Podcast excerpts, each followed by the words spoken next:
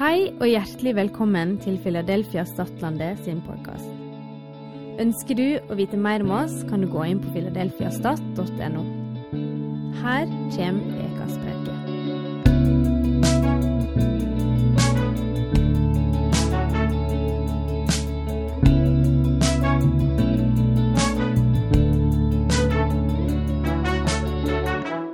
Makter det, det gjør jeg ikke i eierkraft, iallfall. Da, må, da trenger vi Jesus. Så hjelp oss alle. Vi skal starte med ei bønn. Den står i 1. Korinterne 17, 20-22. Nei, ikke Korinterne. Krønikeboka i Gamle Testamentet. Det er i grunn Davids takkebønn til Herren. Herre, det er ingen som du, og det fins ingen Gud uten du etter alt vi har hørt med våre egne øyre. Hvem er som Israel, folket ditt? Det er det eneste folket på jorda som Gud kom til og fria ut for å gjøre til sitt eget folk. Med store og skremmende gjerninger skapte du deg et navn da du drev bort folkeslag for folket ditt, som du fria ut av Egypt. Du setter Israel, folket ditt, til å være ditt folk til evig tid og du, Herre, vart deira Gud. Ja, jeg har fått et tema som heter 'Hvorfor Israel'. Og jeg er helt sikker på at det her er mange i denne salen som kan masse om Israel. Men kanskje noen av dere ikke vet så masse. Og så er det da poenget å klare å formidle til dere noen tanker. For dette temaet det er stort, selv om Israel er lite. Og Det som er utgangspunktet for preikene våre nå, det er den boka som alle har fått i heimene sine, den som heter 'Djerv tro'. Og Der er det et stykke som heter 'Kvi for Israel'. Og Hun som har skrevet det, hun heter Maria Torgussen Helgerud. Og Det sto en kortversjon av det stykket i KS 7.10. Det heter 'Israel kort oppsummering'. Det var veldig bra skrevet òg, altså, hvis dere har KS. Og så vet vi at når det sitter her nå, så skal det godt gjøres at ingen har hørt om Israel. Det er, det er så aktuelt. Og i samfunnsdebatten. Midtøsten. Vi hører masse om dette stadig vekk. Og det vi ofte forbinder med det, det er eh, Det er altså konflikt ofte. Okkupasjon, uro.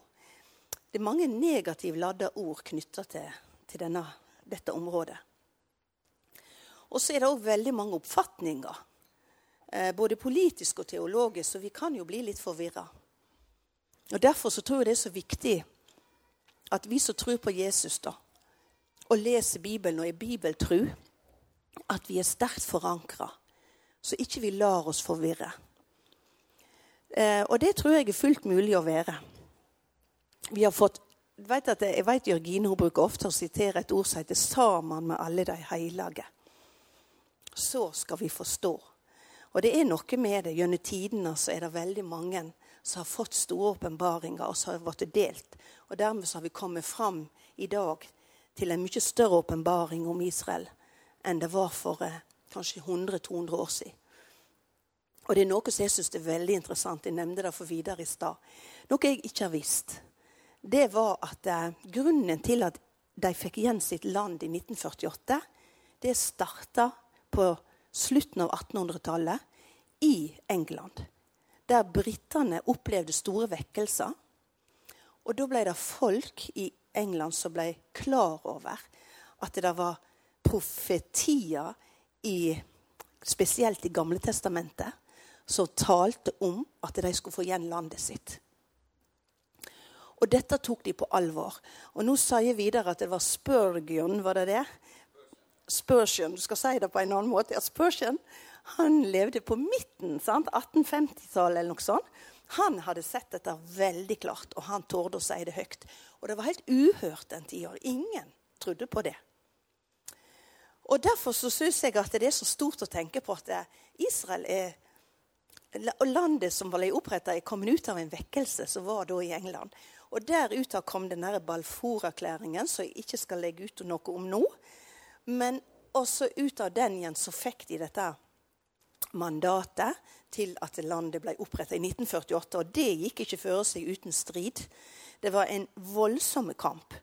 Og den, jeg har lyst bare nå å si at eh, For mange år siden så lånte jeg noen bøker av Nora som heter 'Sions krønike'. Det er fem bøker i en serie som handler om når de Israel. Når de, den kampene som var før Israel ble eh, erklært som et eierland.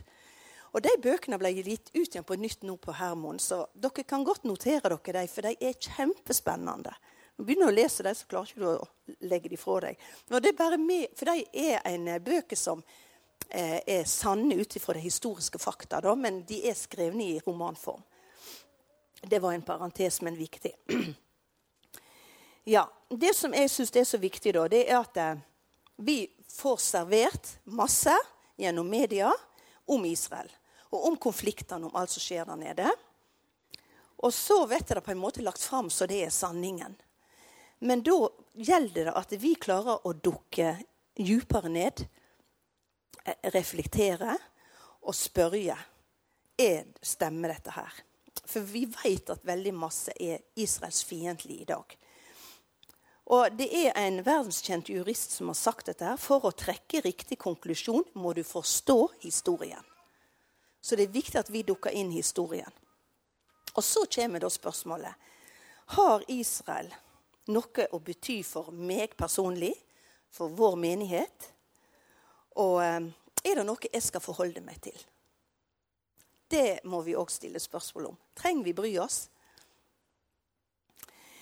Ja. Eh, han, eh, dere har sikkert hørt om en forfatter som heter Derrick Prince. Han har skrevet veldig veldig mange bøker og var en forkynner eh, som Jeg tror han var britisk.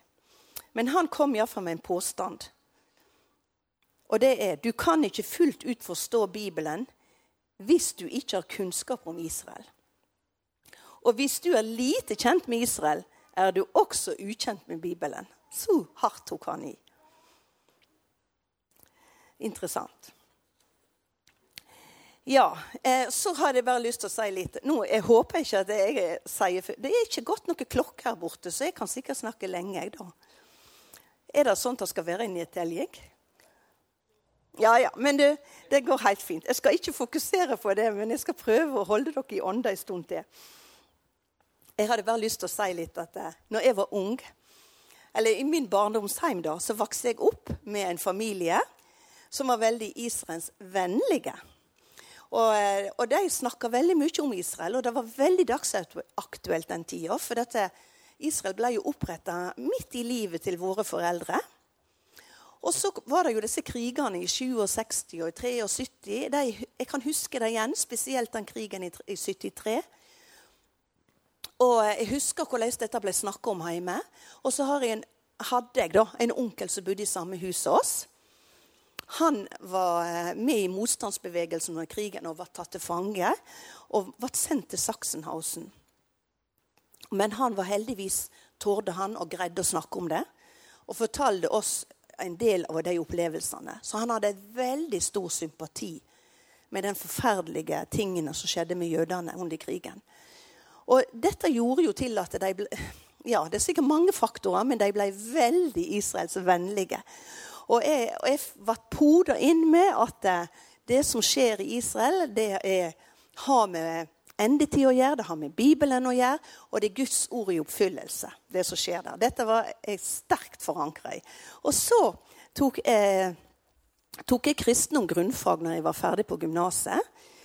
Og um, plutselig så der da møtte Jeg var ikke liksom forberedt på det, men jeg møtte teologer, da.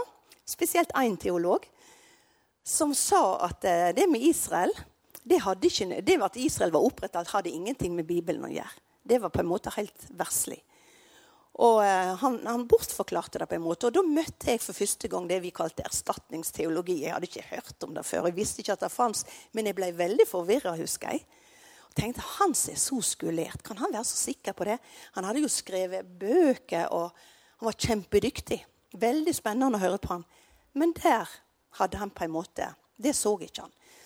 Og jeg kom hjem igjen til min far og var så fortvila over at jeg, nå får jeg lære det at dette med Israel har ingenting med Guds ord å gjøre. Det er bare noe vi har funnet på. Og Da husker jeg far min sa nei, han kunne være så klok han ville, men der tok han feil. Det var ikke et spørsmål om min far var bare en skarve snekker. Han hadde vel ingen akademisk bakgrunn. Men jeg måtte bare velge å tro på han. men eh, det har jeg nå gjort seinere, da. Jeg har jo eh, valgt å tro, og samtidig så ser jeg det ut ifra Guds ord. Jeg syns ikke det er så vanskelig å se det. Og så skal jeg bare stille dere et spørsmål. Det er bare litt sånn helt ut av sin sammenheng. Men er det noen her som veit hvor høy gallepiggen er? Har dere, har dere akkurat nøyaktige tallene? To, fire Ja, to, fire, seks, ni. Det er han. Det er høgste fjellet i Norge. Og så Poenget mitt å si akkurat det der, det var at ca. så mange ganger står Israel nevnt i Bibelen. Så kanskje dere kan huske det. Og da skjønner dere at Israel det er ikke et lite tema, altså. Det er et kjempestort tema. Og det er nevnt x antall ganger. Bare husk det. To, fire, seks, ni. ja. Og så sa hun videre at ja, Israel er ikke noe stort. Det er bitte lite. Og da tenkte jeg jeg skal bare se noe. Hvor stort er det egentlig? Og da vet vi at gamle Sogn og Fjordane det er 18 623 kvadratkilometer. og Israel er 22 145 kvadratkilometer, ut ifra det jeg bladde opp. da, Men nå kan det være at ikke de har tatt med såkalt okkuperte områder. Det vet jeg ikke. Men vi kan iallfall stadfeste at Israel er ikke stort. Det er et lite land, og det er et demokratisk land, og det har mange rundt seg som vil egentlig at Israel ikke skal eksistere. Så det er tøft for dem hver eneste dag. Og så er målet da med å, å snakke om Israel i dag det er jo at jeg vil at eh, dere som spesielt unge skal få et engasjement og bli nysgjerrige og ha lyst til å vite mer om Israel. Og om hva betydning det har for Guds frelsesplan. For det betyr noe for Guds frelsesplan. Veldig viktig. Og så er det det at eh, det må få lys over Guds ord.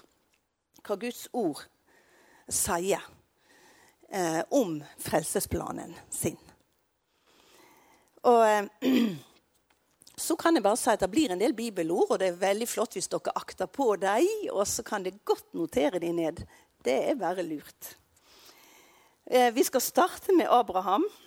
Eh, I 1. Mosebok 12, 1-3 da sa Herren til Abraham.: Dra bort fra landet ditt og fra slekta di og fra farshuset ditt til det landet som jeg skal syne deg.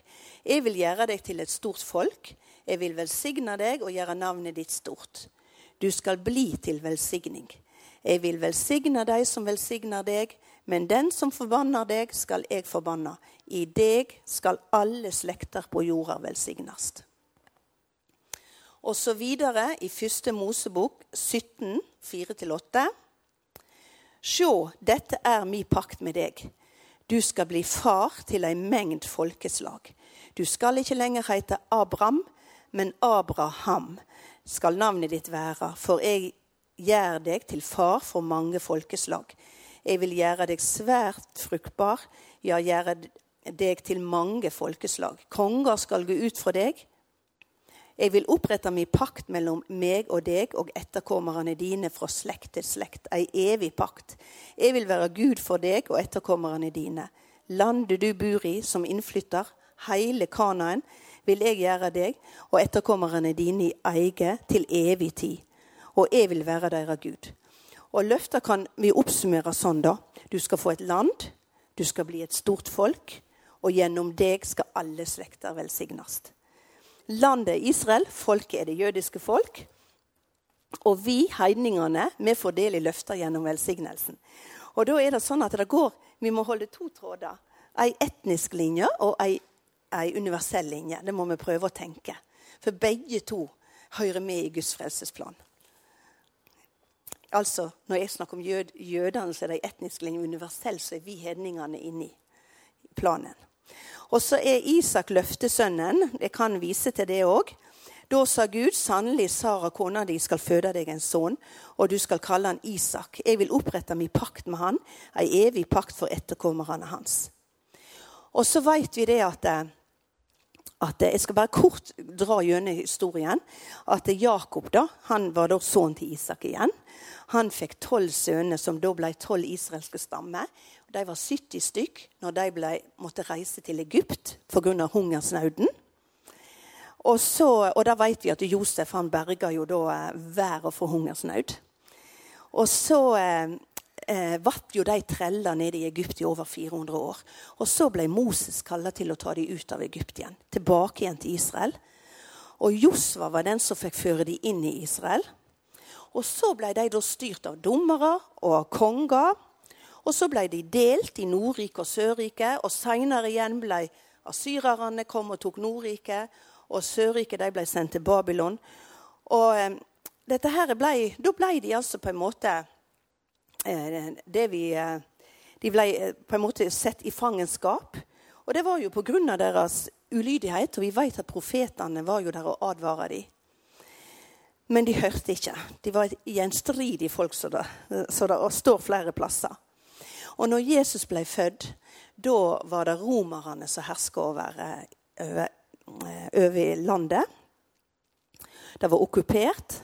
Og vi vet jo det at eh, eh Jesus forutsa, forutsa da òg at tempelet som de da var i, skulle rives. Og vi vet at det skjedde i år 70, når jødene gjorde opprør. Og, og da ble de ødelagt, og de ble forvist til alle nasjoner. Og vi vet at det, det varte i over 2000 år. da. Kan ikke vi si noe sånn ca. 2000 år, ja. Og så nå, vet, nå, ser vi jo at landet er oppretta igjen, og nå kommer jødene tilbake.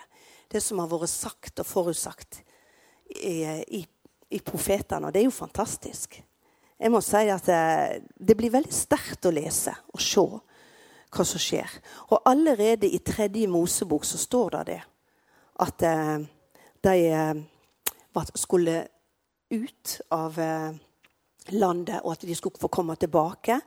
Og at Gud aldri skulle brytes i pakt med dem. Og så er da spørsmålet hvorfor valgte Gud seg ut et eget folk? Er det sånn at Gud gjør forskjell på folk? Har han noen favoritter?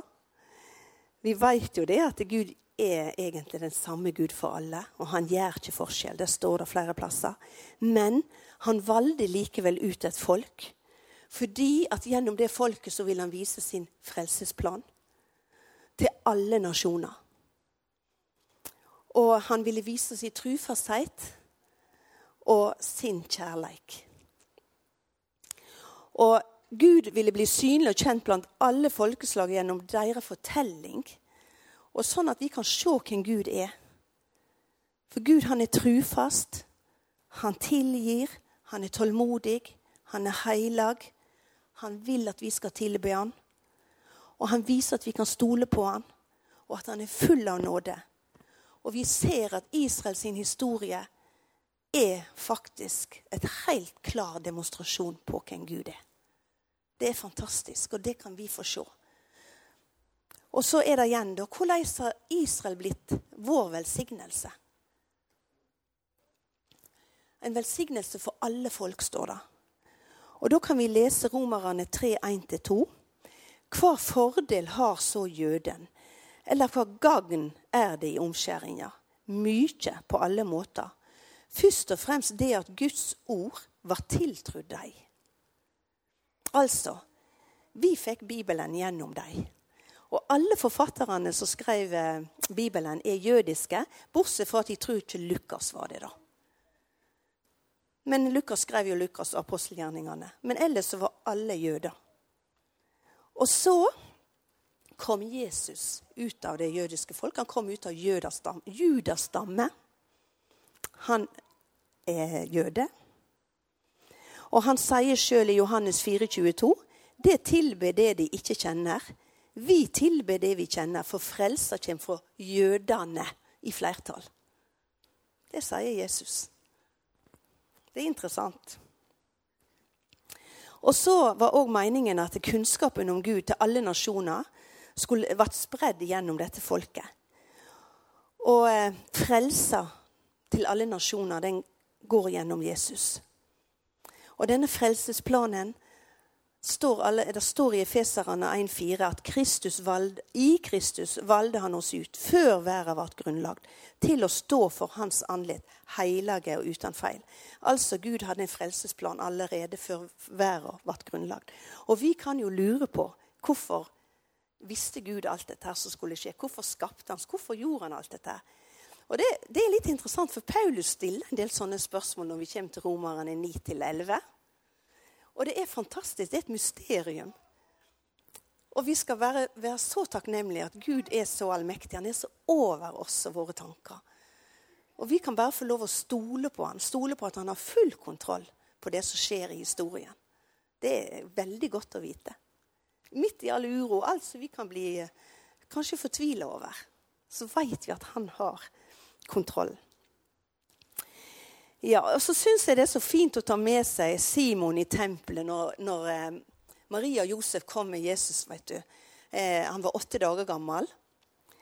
Og Han skulle omskjæres. Da ble Simeon, en gammel mann, dreven til tempelet. For han hadde fått ei visse om at eh, Da står det her i Lukas 2, 30-32.: For mine øyne har sett i frelse, som du har gjort i stand like for ansiktet på alle folk, et lys til åpenbaring for heidningene og til ære for folket ditt Israel. Der har du de to linjene igjen. Og han Simon han, eh, han hadde fått lovnad om at han skulle ikke dø før han fikk se Herrens frelse. Han skulle få se Messias. Og så ser du at han ser det lys til åpenbaring for heidningene og til ære for ditt folk Israel. Jeg syns det er så flott sagt. Ja, og så er det det at han, eh, Paulus han omhandler da jødene veldig Det er veldig sånn tydelig i Romerne i kapittel 9-11. Og de tre kapitlene er verdt å ta og dukke litt ned i. Og lese om hvordan Gud, uh, Paulus forsvarer eh, at Gud ikke har eh, Hva skal jeg si da? Han har ikke forkasta jødene men de er like fullt eh, med i hans frelsesplan.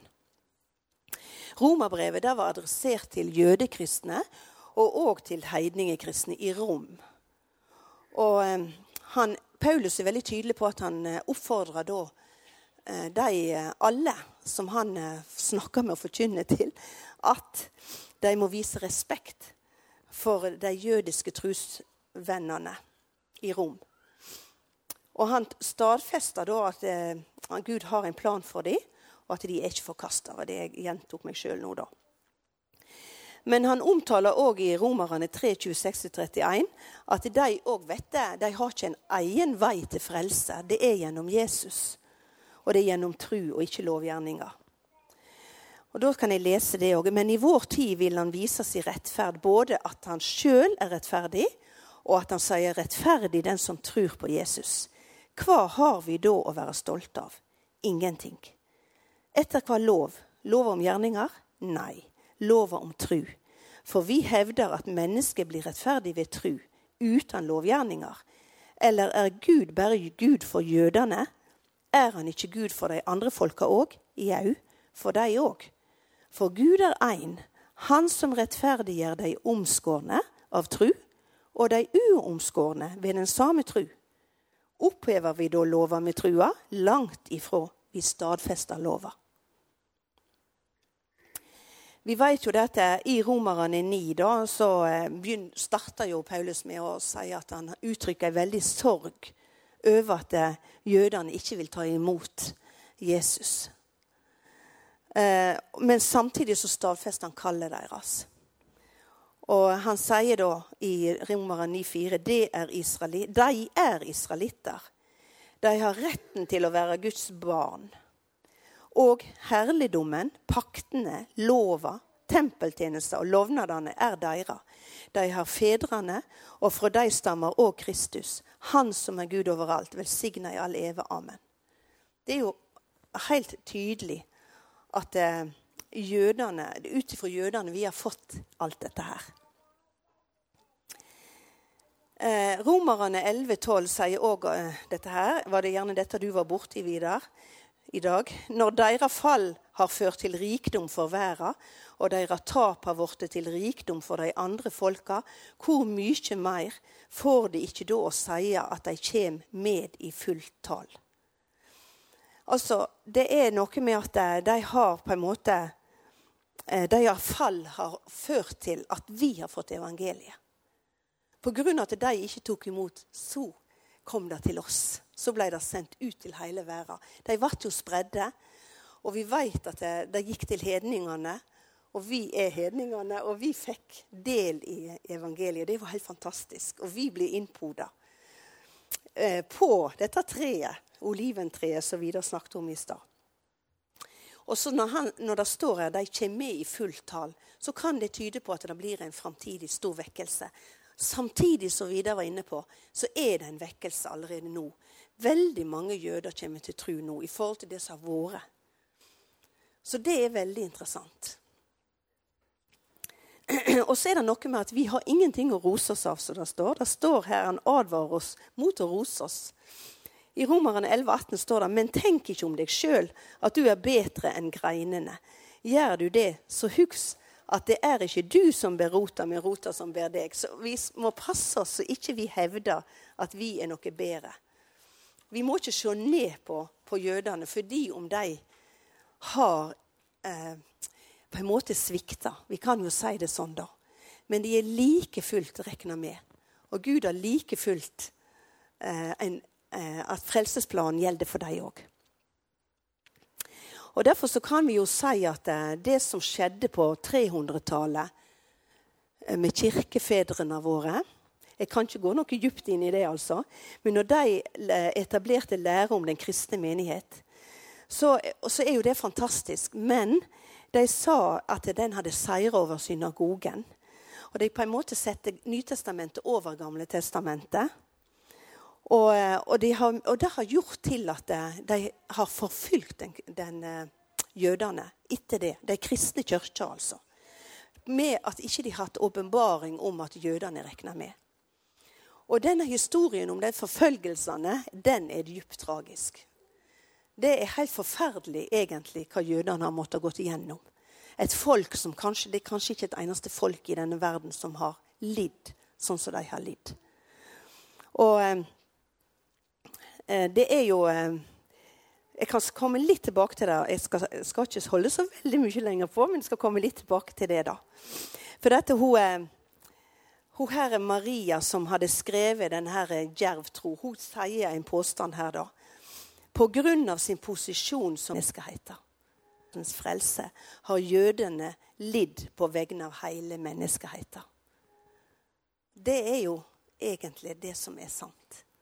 At de har måttet lidd for at vi skulle få frelsa. Ja, og så er det Israel Hvis vi går til vår tid, da, så har jo vi allerede vært inne på landløftet. At de skulle få tilbake landet sitt. Og det står flere plasser i Bibelen. Mange plasser står det jo om det. Så vi må bare plukke ut noen plasser. da. Jeremia 33, 26, siste del. Jeg vil gjøre ende på fangenskapet og forbarme meg over deg. Og i 31,10.: Hør Herrens ord, det folkeslag.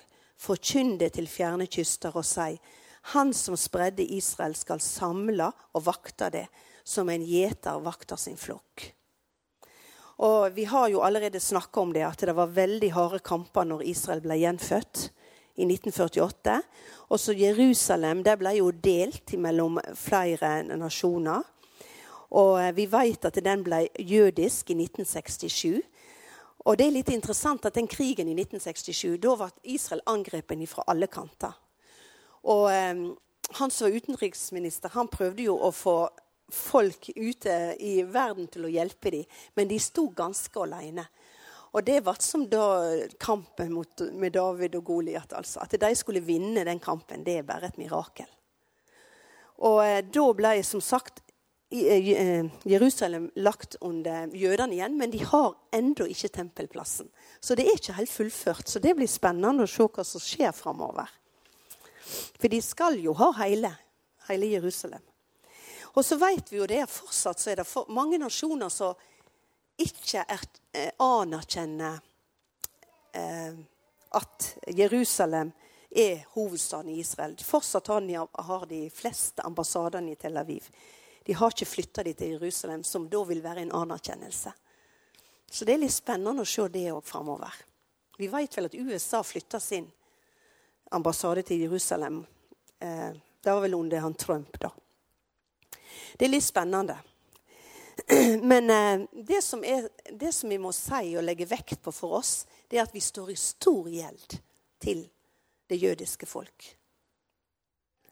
Både åndelig og materielt. Og da har jeg lyst til å vise til Romerne 15, 26-27. Forsamlingene i Makedonia og Akaya har sagt at de vil samle inn ei gave til de fattige mellom de hellige i Jerusalem. Det vil de gjerne gjøre. De står òg i gjeld til dem. De skylder å hjelpe dem med materielle gaver når de sjølve som heidninger har fått del i deres åndelige gaver. Og det gjelder like fullt oss. Vi vet at den tida der så hadde de det veldig vanskelig i Jerusalem. Men fortsatt så har de det vanskelig. Og fortsatt så gjelder det at vi òg som heidninger vi har fått del i deres åndelige gave, og vi skylder dem å hjelpe dem tilbake.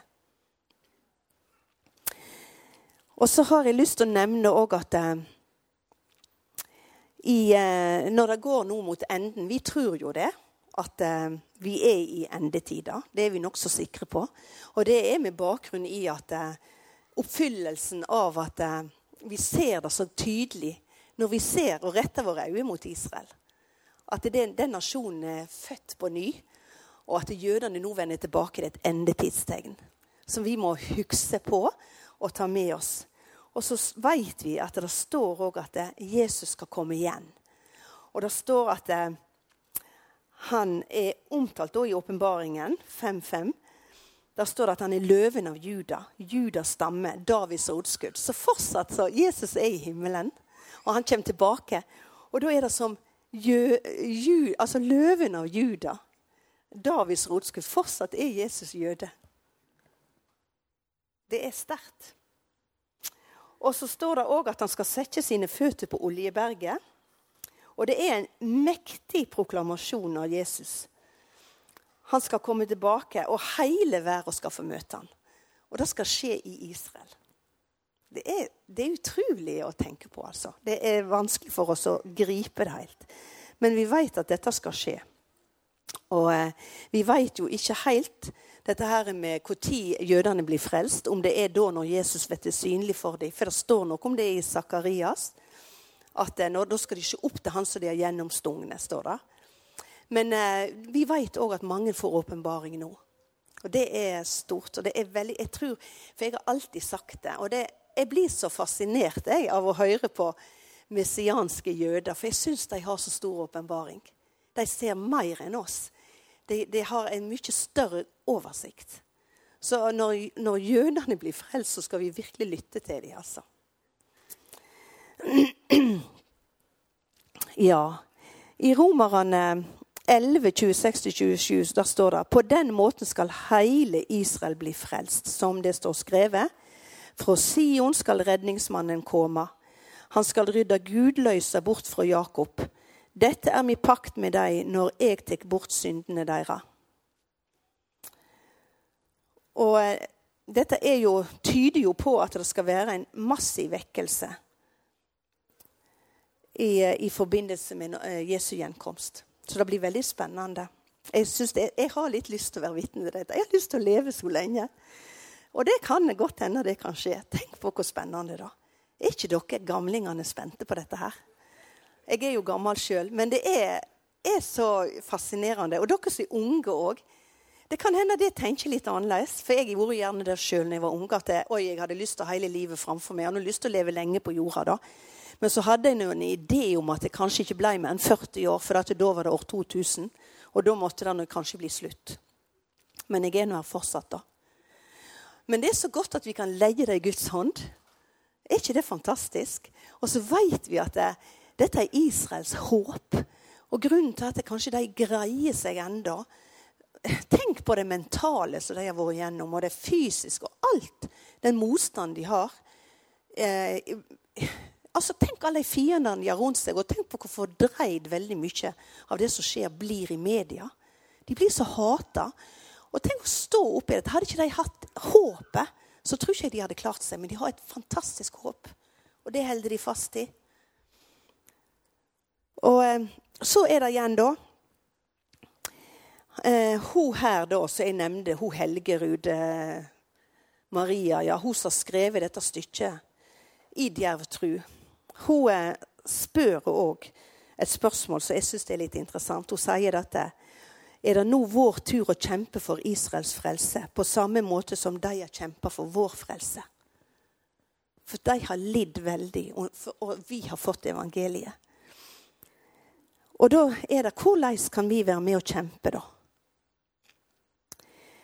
Er, vi vet at han, Paulus hadde en voldsom nykjærhet. Han var jøde sjøl, og han hadde en veldig nykjærhet for at hans brødre skulle ta imot Jesus. Men jeg tror at vi trenger noe av den nykjærheten. Og trenger at det kommer inn. Jeg trenger det for, mitt, for min del i mitt hjerte. At det, vi, vi, har jo det for vår egen familie. Vi er jo nære, de er de næreste. Og vi har det jo gjerne for folk rundt oss. Men at vi òg kan få det spesielt for det jødiske folk. Det må vi be om. Og så må vi be om at de jødiske lederne i dag ikke gir etter for all denne motstanden de får, men at de greier å stå oppreist. Og at de klarer å stå i det harde presset som de opplever på alle kanter. Det er veldig viktig. Og at de kan vite at det er noen Jeg vet han, han eh, het han der forrige presidenten der nede? Kommer ikke på nå. Netanyahu. Netanyahu. Han eh, hadde iallfall sagt veldig rosende ord til eh, til disse her Jeg er så dårlig på å huske igjen ting, da, men nå skal vi se. Israelsk ambassade. Den kristne israelske ambassade. At han sa det var helt nødvendig at de var der nede, og at de støtta dem. Og at det er så viktig at eh, mange kristne viser det. At vi støtter dem, vi har respekt for dem. Det er noe av det vi kan gjøre. Og så er det òg at vi proklamerer Guds løfte for dette folket. da. Og Da står det jo òg i Jesajas at vi skal trøste dem, og vi skal tale vennlig til Jerusalem. Og så har jeg lyst til å lese Jesaja 62, 67. Det tror ikke jeg hadde det med her, da, men det skal jeg ta med. På dine murer, Jerusalem, setter jeg vektere. Aldri skal de tie. Ikke, nå er det på bokmål, dette, da. Ikke hele dagen og ikke hele natten. Dere som minner Herren, under ingen ro og gi ham ikke ro før han bygger Jerusalem opp igjen, og før han gjør det til en lovsang på jorden. Er ikke det sterkt? Så jeg tenker at det òg er en del av det vi skal gjøre. Vi skal være vektere på murene. Og vi skal be og minne Herren om det han har lovt. Minne ham på løftene til, til jødene. Og så står det òg i Salme 33, 8-12 Hele verden må frykte Herren. Alle som bor på jorda, må skjelve for Han. Han tala, og det skjedde. Han baud, og det sto der. Herren skipler råda folka legg. Han bryter planene folkeslag tenker ut. Herrens råd står fast for alltid, hans hjartans planer fra slekt til slekt. Sælt er det folk som har Herren til Gud. Det er folk som han har valgt til sin eiendom. Men er ikke det fantastisk at han skipler planene til det folkeslag tenker ut, og så at hans råd står fast? Og at hans planer det skal stå fra slekt til slekt. Det er en så fantastisk trøst til oss. Så nå håper jeg bare det at eh, dette her kunne være med å hjelpe oss litt til å ha en litt større forståelse for Israel, for det jødiske folk, hva de betyr i Guds frelsesplan. Og at de er med like fullverdige i Guds frelsesplan som vi er. Og at Gud har en, har en spesiell plan for dem. Han har det. Så vi er med på. Og så ber vi virkelig til Gud om at eh, hans frelse skal eh, bli åpenbart, og at de skal få se Jesus. Og så Jeg syns det er så fantastisk at vi kan på flere måter være med og støtte. Og så én ting støtte Israel, men noe som jeg har lyst til å oppmuntre til. Nå, eh, rett før koronaen kom, så hadde jo vi meldt oss på en tur til Israel. Da skulle Vidar og Jørgine være med. Og, og, dette skjedde, Det var i mars vi skulle reise, og plutselig ble alt nedstengt. Så vi fikk ikke reise. Det var så rart, dette her, syns jeg. Men vi, vi tror vi får flere muligheter, da. Og jeg, jeg har lyst til å oppmuntre dere unge. For det fins reiser som ikke er så dyre. Og det er flere som arrangerer rett og slett for å få ungdommer til å reise. Og da jeg, var, jeg har vært bare én gang der nede. Men da møtte jeg en, Han var generalsekretær i Israelsmisjonen, men det visste jo ikke jeg da. Men på et eller annet vis så kom vi i prat. Og så var det ei anna som satt og så på oss, og hun sa 'Visste du hvem du snakket med?' Nei, det hadde jeg ikke peiling på. Så godt kjent var ikke jeg da. Men han sa det at han hadde sånn hjerte for ungdommene. At de norske ungdommene skulle bli, få lyst til å reise til Israel og bli kjent med landet. Det hadde han så lyst til. Og han jobber for arrangerte turer. da. Vi vet at det er et høykostland, sånn som Norge. er. Så derfor er mange selvfølgelig har ikke råd til det. Men det, som sagt fins det rimeligere turer. Og ikke minst er det surfing der nede, folkens. Det så vi masse av. Så det Men det er flott å, å, gjøre det, for vi støtter Israel på den måten òg. Det må vi huske. Men vi skal avslutte denne seansen med å be. Så takker jeg Jesus for at vi får lov å komme til deg, og vi får lov å løfte opp ditt navn. Og så får vi ære deg for at dine planer de står fast. Og dine planer for Israel og for det jødiske folk de står fast. Og vi vet at din frelsesplan den skal gå i oppfyllelse. Og da minner vi deg på, Herre, at du kommer i hug ditt folk. Du beskytter dem, og du verner dem. Og vi ber om at de skal få se de frelse. Jesus, så takker jeg òg for at du skal beskytte myndighetene der nede. Og at de tar de rette valgene, at ikke de gir etter for press. Og så hjelper du oss at vi ser dine planer gjennom ditt ord, og at vi står fast på ditt ord, og at vi gir tru mot det ditt ord sier. I Jesu navn. Amen. Takk for at du hørte på. Har du spørsmål eller ønsker å koble deg på kirka? Ta kontakt på mail eller gjennom vår nettside. Håper du vil høre på neste uke også, eller at vi sees på gudstjenesten.